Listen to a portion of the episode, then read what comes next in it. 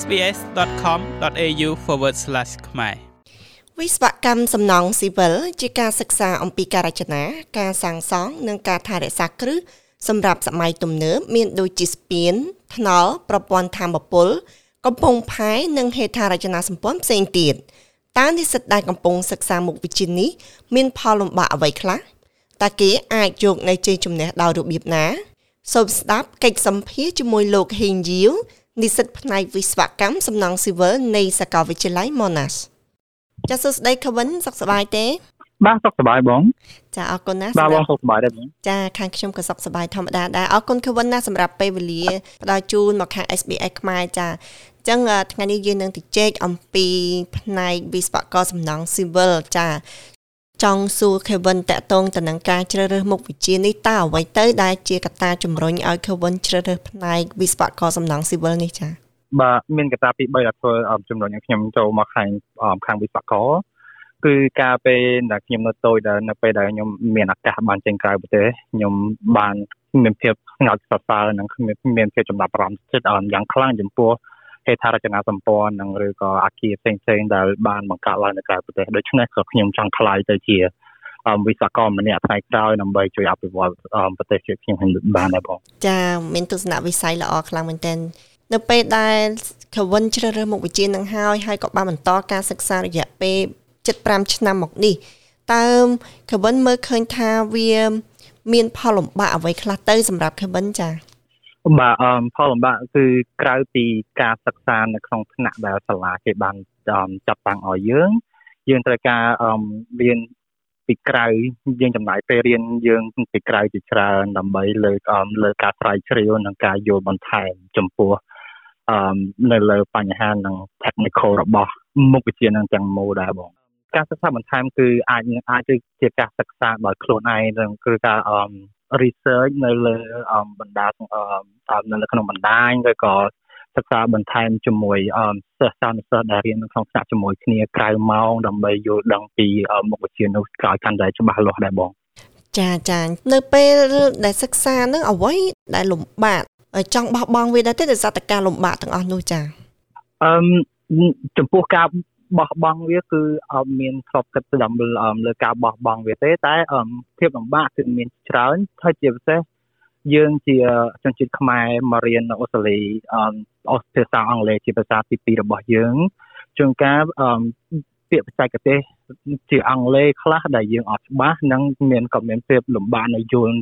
ក្នុងការយល់នៃពាក្យទាំងនោះតែហេតុតែភាពស្រឡាញ់និងចូលចិត្តមុខវិជ្ជានេះក៏ ទោះជាមានលំបាកខ្លាំងយ៉ាងណាក៏ខ្ញុំនៅតែបន្តដូចនឹងបន្តដើម្បីឲ្យបញ្ចប់អឺមុខវិជ្ជានេះដែរបងចាអ្វីដែលលំបាកខ្លាំងចំពោះ Kevin អញ្ចឹងខ្ញុំចាប់បាន គឺមានតែភាសាអង់គ្លេសទេចាអញ្ចឹងមិនមែនមុខវិជ្ជាដែលកំពុងតែរៀនគឺមុខវិជ្ជាដូចជាមុខវិជ្ជាខ្លះទៅវាអាចថាវាត្រូវការការគិតគណិតវិទ្យាអីច្រើនអញ្ចឹងទៅធ្វើឲ្យ Kevin បោះបង់គឺมันមានបញ្ហាទាំងអស់ហ្នឹងទេណា អឺវាមានក៏មានតិចតួចដែរចំពោះដូចថាមុខវិជ្ជាខ្លះត្រូវការគណិតច្រើននិងមុខវិជ្ជាខ្លះទៀតត្រូវការយើងប្រើបច្ចេកទេសផ្សេងផ្សេងដូចជា software អីផ្សេងផ្សេងដើម្បីអឺទៅបង្កើតឬក៏ច្នៃប្រឌិតនៃអឺនៅអាគារឬអ្វីផ្សេងផ្សេងដូចគ្នាបងចឹងទៅភាពលំបាកទាំងនោះក៏មានដែរបងខវិនត្រង់ចំណុចនេះធ្លាប់ឃើញកូនសិស្សយើងខ្លះកន្លងមក គាត់បោះបង់ការសិក្សាចោលតែម្ដង នៅពេលដែលគាត់បានសិក្សាឆ្នាំដំបូងឬក៏អ្នកខ្លះទៅបានដល់ឆ្នាំទី2ទៅហើយដោយសារថាវាជួបបញ្ហាលំបាកខ្លាំងនៅក្នុងមុខវិជ្ជានឹងអញ្ចឹងធ្វើឲ្យគាត់មិនអាចបន្តដំណើរទៅបានចាពិតជាគួរឲ្យកោតសរសើរមែនទែនដែលខវិននៅតែមុតមមតស៊ូជាមួយនឹងឧបសគ្គទាំងអស់នោះចាត្រង់ចំណុចនេះសំខាន់ខ្លាំងណាស់សម្រាប់និស្សិតរបស់យើងទាំងអស់គ្នាចង់លើកទឹកចិត្តទៅដល់បងប្អូនដែរចាអ្នកណាក៏ជួបការលំបាកដែរតែ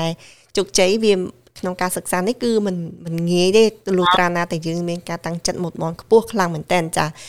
អឺដោយសារការតាំងចិត្តនេះខ្ញុំក៏ជឿជាក់ថា Kevin ប្រកាសជាឃើញនៅគោលដៅអ្វីសំខាន់នៅក្នុងមុខវិជ្ជានេះចឹងចង់ឲ្យ Kevin ជួយរៀបរាប់បន្តិចដែរថានៅក្នុងសង្គមតើ Kevin ឃើញថាមុខវិជ្ជានឹងវាមានតម្លៃខ្លាំងបែបណាទៅ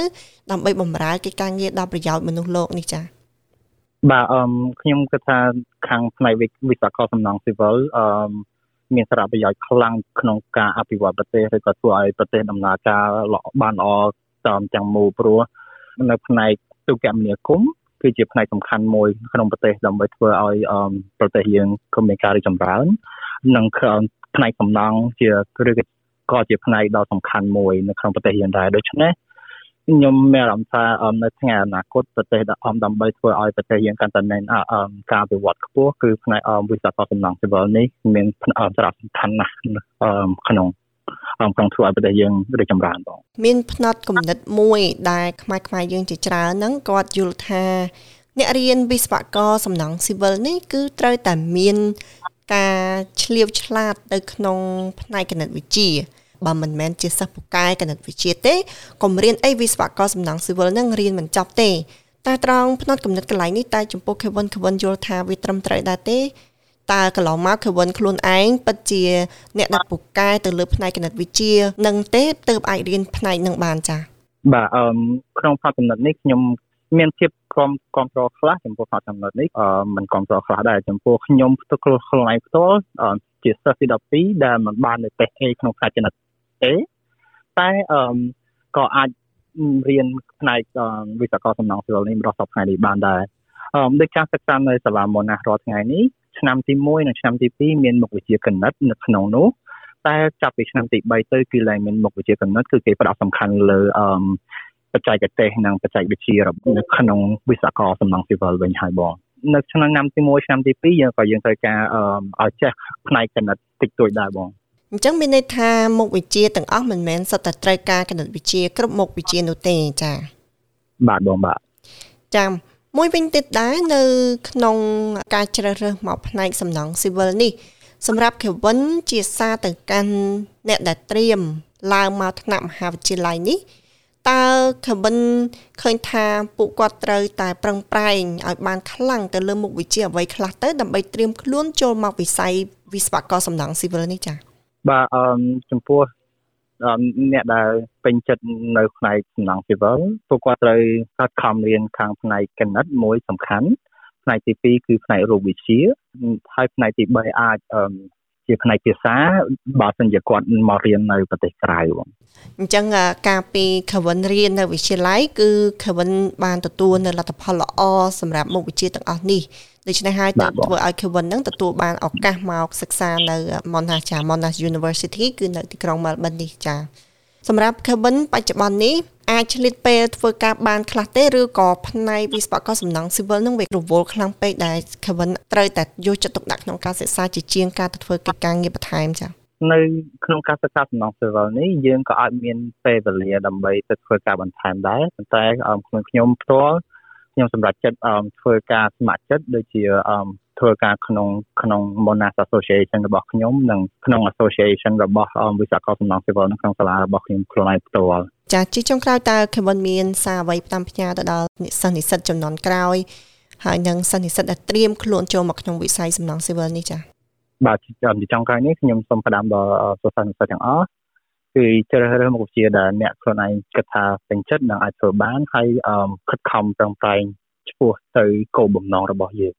ចាអរគុណខ្លាំងណាស់ Kevin ចាជាថ្មីម្ដងទៀតសូមអរគុណសម្រាប់ពេលវេលាផ្ដល់ជូនមក SBS ខ្មែរហើយក៏សូមជូនពរឲ្យ Kevin ទទួលបានជោគជ័យនៅក្នុងការសិក្សាវិញនេះនិងសម្រេចគោលបំណងនៅក្នុងការបម្រើសង្គមជាតិទៅថ្ងៃអនាគតតាមសេចក្តីប្រាថ្នាចាសូមអរគុណសូមជម្រាបលាតែប៉ុណ្ណេះចា